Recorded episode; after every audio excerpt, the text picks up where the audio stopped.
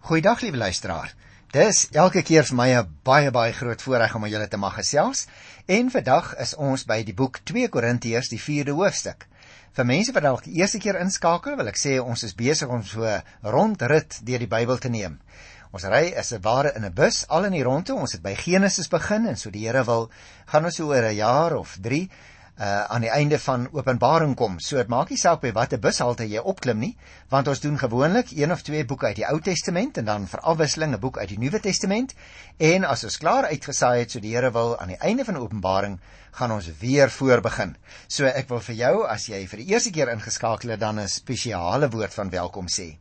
Liewe luisteraars, 2 Korintiërs 4 is 'n wonderlike hoofstuk. Nou ja, natuurlik die hele Bybel is my wonderlik, want dit is die woord van die lewende God nie waar nie. En eh, die rede hoekom dit my so spesifiek aanspreek, omdat dit hier aan die een kant oor die apostels gaan, dit wil sê die voltydse werkers in die koninkryk, van wie ek een is deur die genade van die Here, maar dat Paulus dan die bekende beeld en ek is seker jy gaan dit ken, gebruik van 'n skat in kleipotte. En hierdie twee aspekte, naamlik die rol van die apostel en dan die nietige erdekruik wat hy eintlik maar is, maar die skat van die evangelie daar binnekant wat vir elke een van jou en vir my as Christus gelowiges geld. Dit is op die tafel vandag. Kom ons begin dadelik en ek wil net miskien vir jou herinner as jy gereeld luister deur net weer te sê dat in die tweede en die derde hoofstukke daar gewys is op sekere misverstande wat daar tussen die gemeente in Korinte en natuurlik nou die apostel bestaan het. En nou begin Paulus hierso om die aandag van daardie problematiek af te skuif, want al die onsekerhede is nou uit die weg geruim en nou gaan hy praat oor sy eie posisie en ook natuurlik die posisie van sy kollegas, want hulle is almal dienaars van die evangelie. Ek lees dan eers net die eerste versie van 2 Korintiërs by die 4de hoofstuk. God het hom oor ons ontferm en hierdie bediening aan ons opgedra.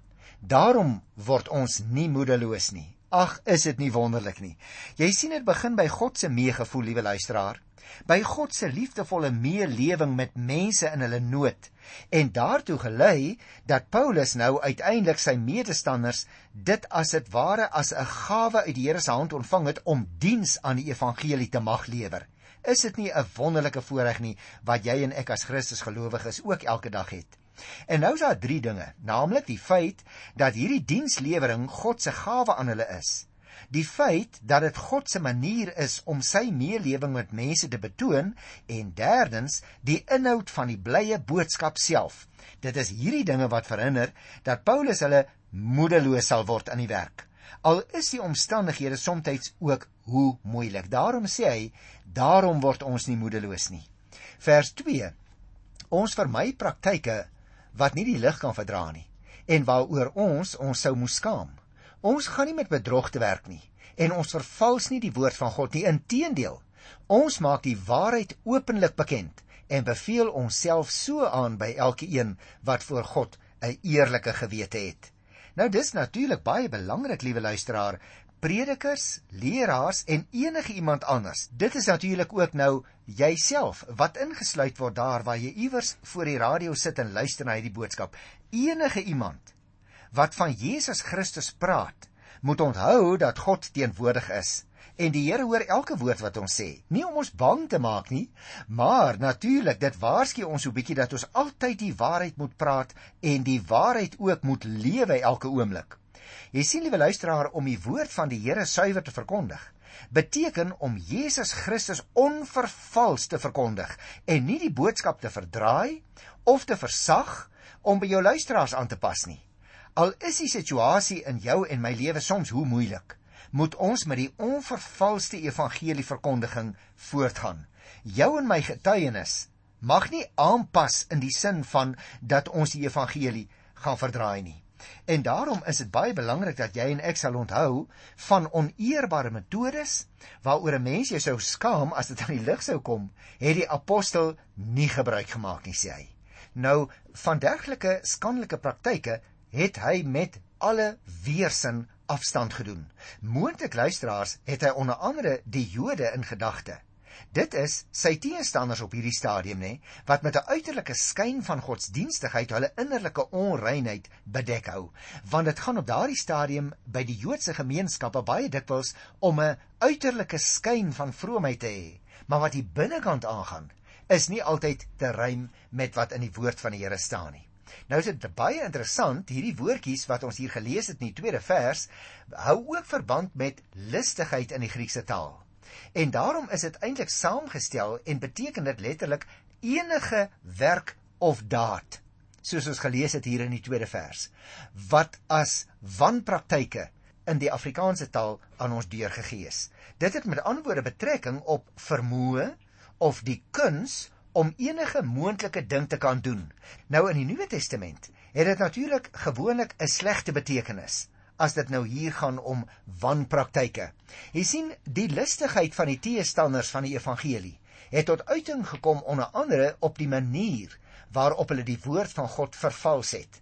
Met ander woorde, daar was mense in Paulus se tyd wat ander ouens wou wen vir die evangelie, maar hulle motiewe was nie suiwer nie en hulle praktyke was eintlik baie bedenklik. Nou waarsku Paulus daarteen.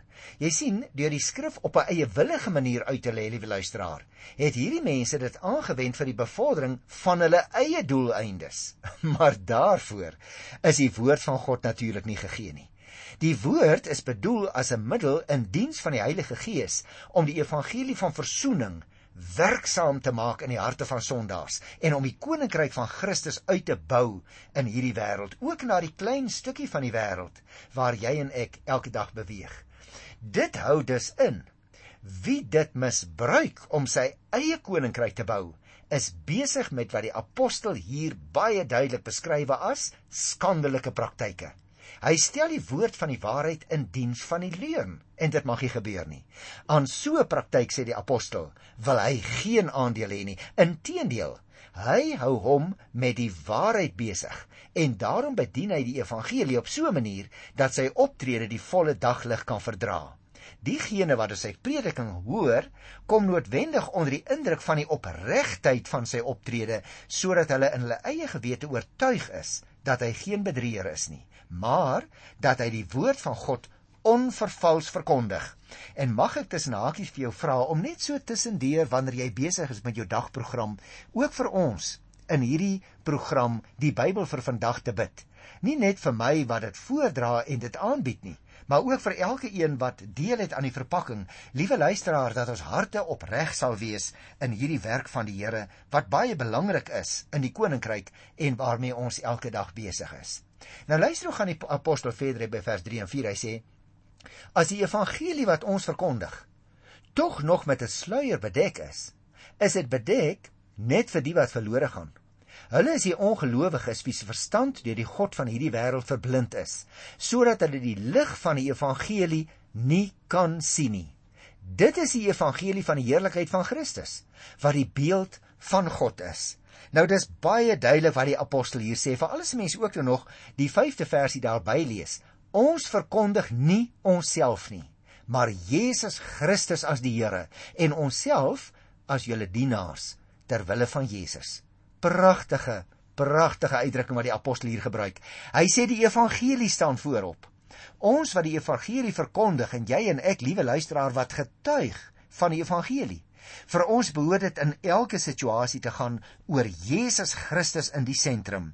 Want jy sien in hierdie verse wat ek gelees het vers 3 tot 5, leer ons baie duidelik die goeie nuus is daar vir enigiemand om te hoor en te glo, behalwe vir diegene wat weier om dit te ontvang, sê die apostel. Die bose doen natuurlik elke dag sy bes, liewe luisteraar, om ons almal te bedrieg.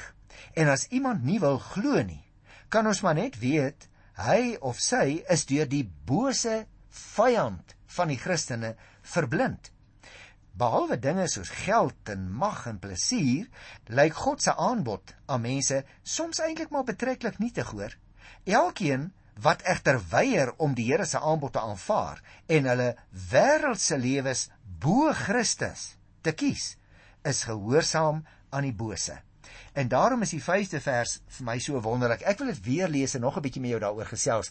Ons verkondig nie onsself nie, maar Jesus Christus as die Here en onsself as julle dienaars ter wille van Jesus. Paulus laat dus al die klem op die Here Jesus Christus val. As jy en ek ook van hom getuig, liewe luisteraar, dan moet ons vir die mense van hom vertel en nie van ons eie prestasies en talente nie.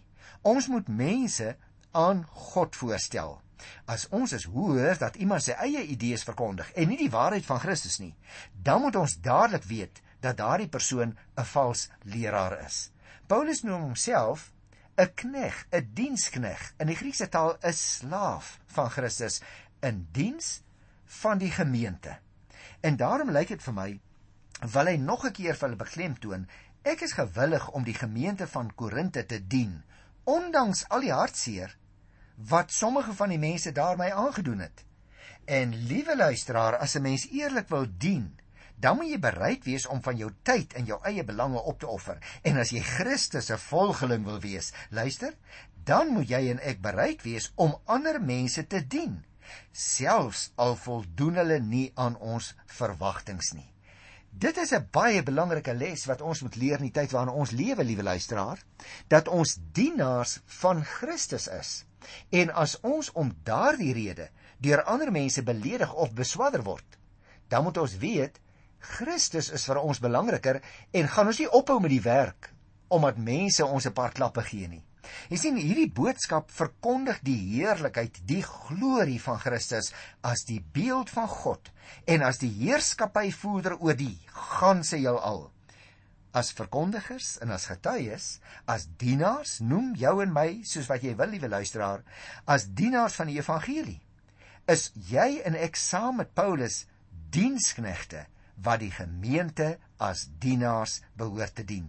As Paulus die Here Jesus Christus hier dus die beeld van God noem, dan wil hy daarmee sê dat Jesus God vir ons laat sien het soos hy werklik is.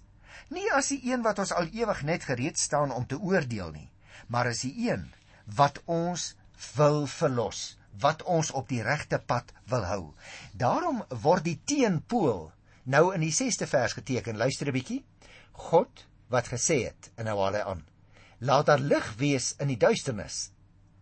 Nou sluit hy die aanhaling teken en voeg hy by. Die God het ook in ons harte 'n lig laat skyn om ons te verlig met die kennis van die heerlikheid van God wat van Jesus Christus uitstraal. Jy sien is die apostel maak 'n baie duidelike teenstelling teenoor die verblinde mense in hierdie wêreld wat die evangelie hoor, wat 'n sluier oor hulle gesig het, wat nie wil aanvaar wat Jesus Christus vir hulle en ook vir jou en vir my gedoen het nie. Teenoor hulle staan die Christus gelowiges vir wie God sy lig laat opgaan het toe ons in sy groot genade daardie evangelie boodskap aanvaar het. Toe hierdie mense dus van die lig vir Jesus leer ken het, het hulle ook God as die heerlike leer ken. En daarom is die vraag nou miskien waaroor ons net 'n oombliekie met mekaar moet gesels voordat ek verder gaan. Wie is nou hierdie mense wat verlore gaan? Dit is die ongelowiges, antwoord die apostel. Dit val my baie op in hierdie paar verse wat ek gelees het, luisteraar, dat Paulus nie ingaan op die vraag waarom sekere mense verlore gaan nie, maar wel op die vraag wie hulle is. Want jy sien, deur dit te doen, werp hy die verantwoordelikheid op die betrokke persone self en antwoord hy bovendien die waarom vraag. Met ander woorde, dit is mense wat die evangelie gehoor het. Hy verwys heel waarskynlik na die Joodse volk uit wie hy gestam het, maar wat die Messias gewoon nie wou aanvaar nie. Die ongelowiges is dus in hierdie sin die persone in wie se hart die God van hierdie wêreld 'n proses aan die werk gestel het as gevolg waarvan hulle innerlik verblind geraak het met die tyd sodat hulle die geestelike vermoë verloor het om die onsigbare dinge te kan sien wanneer daar dus sprake is van wat Paulus noem die god van hierdie wêreld word daarmee nie 'n tweede god naas God in die hemel gestel nie hoor ons moenie onder daai misverstand lewe nie maar dan verwys hy na die satan wat ook die owerste van die wêreld genoem word. Gaan kyk gerus in Evangelie van Johannes by die 12de hoofstuk vers 31 of ook in Johannes 16 vers 11. Ons groot teenstander word die owerste van die wêreld genoem. Hoekom sou die Bybel hom so noem? Omdat alle mense eintlik onder die invloed van die duiwel lewe. En dit is alleen wanneer hulle Jesus Christus as hulle saligmaker aangeneem het dat hulle oorgaan in die heerskappy in die wêreld in die koninkryk van die lig. Jy sien deur die toelating van God het die duiwel groot mag verkry oor hierdie wêreld om daarop sy magswerking ten kwade uit te voer. En dit is waarskynlik die belangrikste rede hoekom die Here Jesus na die wêreld toe gekom het. Om vir ons te vertel, daar is ook God se nuwe wêreld wat die Here Jesus aan jou en aan my en aan almal wat dit wil glo in hierdie wêreld kom bekend maak het. Nou nadat die apostel dit nou baie duidelik gesê het, naamlik die evangelie en saam met die evangelie hulle wat die evangelie glo, wat Jesus Christus aanvaar het. Nou kom hy by 'n beeld om dit te verduidelik. En om die evangelie te verkondig, liewe luisteraar, is dus eintlik om soos 'n skat wat in 'n kleipot gebeere word in jou eie hart te dra. Die pot kan maklik breek. En daarom hier van die 7de vers af, pas hy nou wat hy gesê het en wat miskien vir jou of my moeilik mag klink. Pas hy nou toe en gebruik hy 'n eenvoudige beeld om dit aan ons duidelik te laat verstaan. Die 7de vers Ons wat hierdie skat in ons het, is maar kleipotte wat maklik breek. Maar luister nou mooi.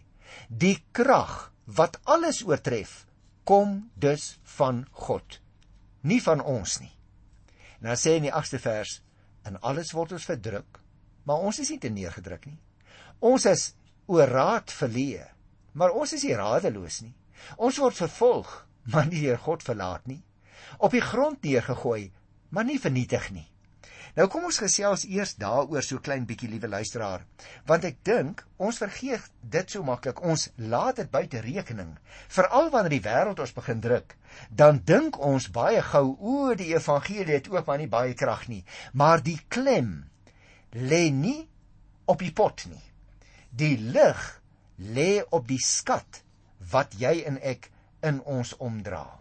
Daarom sal jy sien in hierdie verse wat ons nou net gelees het, word voortgebou op die uitspraak dat Paulus nie homself verkondig nie, maar dat dit God is wat hom gebruik uit genade en dat dit die Here is wat ook uiteindelik vir ons almal tot die finale oorwinning sal voer. Daarom liewe luisteraar, in hierdie verse wat ek nou net gelees het, word nou nader beskrywe wat dit beteken om 'n erdekruid te wees waarin die hemelse skat gedra word. Jy sien die brose kruik is voortdurend aan allerlei gevare blootgestel wat dit byna tot die punt bring waar dit aan stukke wil breek. Maar telkens kom daar 'n onverwagte wending tot behoud van daardie erdekruik. Jy sien, deur die swakheid en die waardeloosheid van die erdekruik heen straal die krag en die heerlikheid van die evangelie van Christus. Selfs sê die apostel wanneer hy meen dat die kruik van sy lewe gebreek gaan word, dan red die Here hom soms uit doodsgevaar. Hoekom? Tot beskaming van sy teenstanders. En daarom met die uitredding het die Here sy heilsbedoeling sodat die lewe van Christus in ons liggaam openbaar kan word waar geword. Die apostel sê en alles word ons verdruk, maar ons is nie te neergedruk nie, liewe luisteraar. Die lewe van die apostel en jou en my lewe verkeer voortdurend onder druk. Dis waar ja. Liggaamlik en selfs geestelik word ons in die noute gebring sodat dit skyn asof daar geen uitweg is nie. Maar die Here versterk ook vir jou en vir my met 'n innerlike krag sodat ons nie die stryd gewonne hoef te gee nie. Bovendien maak die Here 'n onverwagte uitweg oop om sy dienskneg uit te lei in die ruimte van sy genade. En daarom sê die apostel: Ek is verleë, maar ek is nie radeloos nie. Mense sou dit ook op 'n ander manier kon vertaal en sê: Ek is sonder raad, maar nie radeloos nie. En die 83 vertaling waaruit ek nou net gelees het, het dit dan ook so vertaal. Op dië manier word iets van die woordspeling in die Griekse grondteks vir ons ook weergegee op 'n baie mooi manier. Die apostel verwys nou na allerlei situasies waarmee hy geen raad meer geweet het nie. Dit wil sê, hy weet byvoorbeeld nie hoe om die situasie waarin hy soms is te hanteer nie. Hy sê by tye is ek raad op in die situasies waarin ek beland. Tussen hakies mag ek net vir jou sê, dieselfde woordjie word eh, hier gebruik van die vroue wat verleë by die leë graf van die Here Jesus gestaan het daar in Lukas 24 vers 4. Maar nou sê die apostel in sulke moeilike omstandighede is ek ook nie radeloos nie. Hy kan met ander woorde nog altyd die oog omhoog rig en reken op die Here Jesus Christus wie se naam is volgens Jesaja 9 vers 5 wonderbaar raadsman sterke God en daarom as 'n mens nou lees van vers 8 dan kom jy dit agter ek wil van vers 10 af nou lees want daar gaan hy nog verder. Dit is asof hy die naald diep wil insteek dat ons dit baie goed moet verstaan. Hy sê die sterwe van Jesus dra ons altyd met ons saam sodat ook die lewe van Jesus sigbaar kan word in ons liggaam. Nou ek dink in die lewe van die apostel was dit nog baie baie duideliker as in jou en my lewe. Hy sê daai tye toe ek swaar gekry het, man, dit was vir my asof ek gelei het saam met die Here Jesus. Luister vers 11. Voortdurend wat word ons wat lewe ter wille van Jesus uitgelewer aan die dood, sodat ons in ons sterflike bestaan die lewe van Jesus sigbaar kan laat word. Nou sê hy, dit beteken dat ons in die dood aan die werk is, maar in julle die lewe. Ag, luisteraar, dit gryp mense so in die hart. Die apostel sê wie hy? Ek was ter wille van julle soms byna letterlik uitgelewer aan die dood. My lewe was soms in gevaar, maar elke keer het die Here my uit daai situasie uitgehaal. Hy herinner met ander woorde ook vir jou vir my daaraan dat daar altyd vir ons hoop is. Hoe moeilik ons omstandighede ook al mag wees in ons in ons eie situasie elke dag. Ons sterflike liggame, liewe luisteraar, is onderworpe aan sonde en lyding. Ons word dikwels siek, né? Maar nogtans, sê die apostel, laat die Here ons nooit in die steek nie. Jy sien, Christus het die dood oorwin. En daarom het jy en ek die ewige lewe. Al sou ons liggaamlik sterwe, hou ons lewe nie op nie. Kom ek sê dit vir jou andersom. Elke vernedering, elke beproewing, elke probleem is vir jou en vir my 'n nuwe geleentheid waarin ons kan laat blyk dat God sy kragtige teenwoordigheid in ons bekend gemaak het en die betekenis van Jesus Christus wat oorwin het wat jy en ek ook in daardie situasie kan laat na vore kom. En daarom wil ek afsluit met die laaste paar verse wat ek vir jou wil lees. Hy sê en nou haal hy aan uit die Ou Testament, hier by vers 13 en 14 sê hy: Daar staan in die skrif: Ek het geglo, daarom het ek gepraat. En nou sê die apostel: Ons het dieselfde gees wat die geloof wek en ons glo. Daarom praat ons ook. Is dit van jou waar luisteraar? Luister hoe praat hy verder.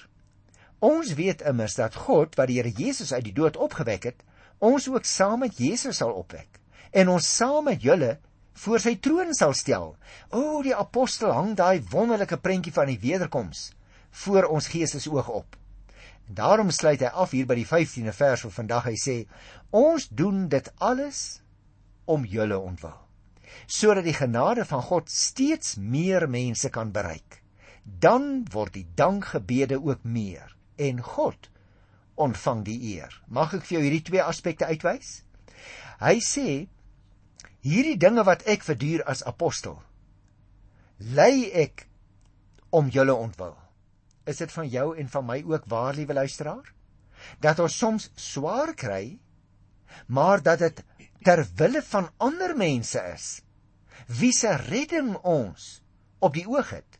Want onthou jy en ek is die draer van die skat van die evangelie. Al is ons maar net breekbare erdekruike ons dra die skat in ons binneste. En daarom sluit hy af met hierdie woorde en ek wil dit onderstreep want dit is baie sterk woorde dan wanneer ander mense ook die evangelie aanvaar, hy sê dan word die dankgebede ook meer en God ontvang die eer. Ag liewe luisteraar, is dit regtig van jou in jou lewe waar en in my lewe? dat God ons Vader die verheerliking en die aanbidding ontvang omdat jy en ek die paaltjie van die evangelie deurgee. Ek wil aan afsluit op hierdie uitnodiging. Kom jy en ek staan by hernuwing onvoorwaardelik en onverdraaid aan die kant van Jesus Christus ons Here. En wie wat? Die Heilige Gees sal ons klein stukkie getuienis, die klein liggies wat ons is, die Heilige Gees sal dit oordra aan ander mense. Hy sal mense oortuig van sonde en geregtigheid en oordeel. Laat jy en ek net ons liggie skyn. Tot volgende keer. Totsiens.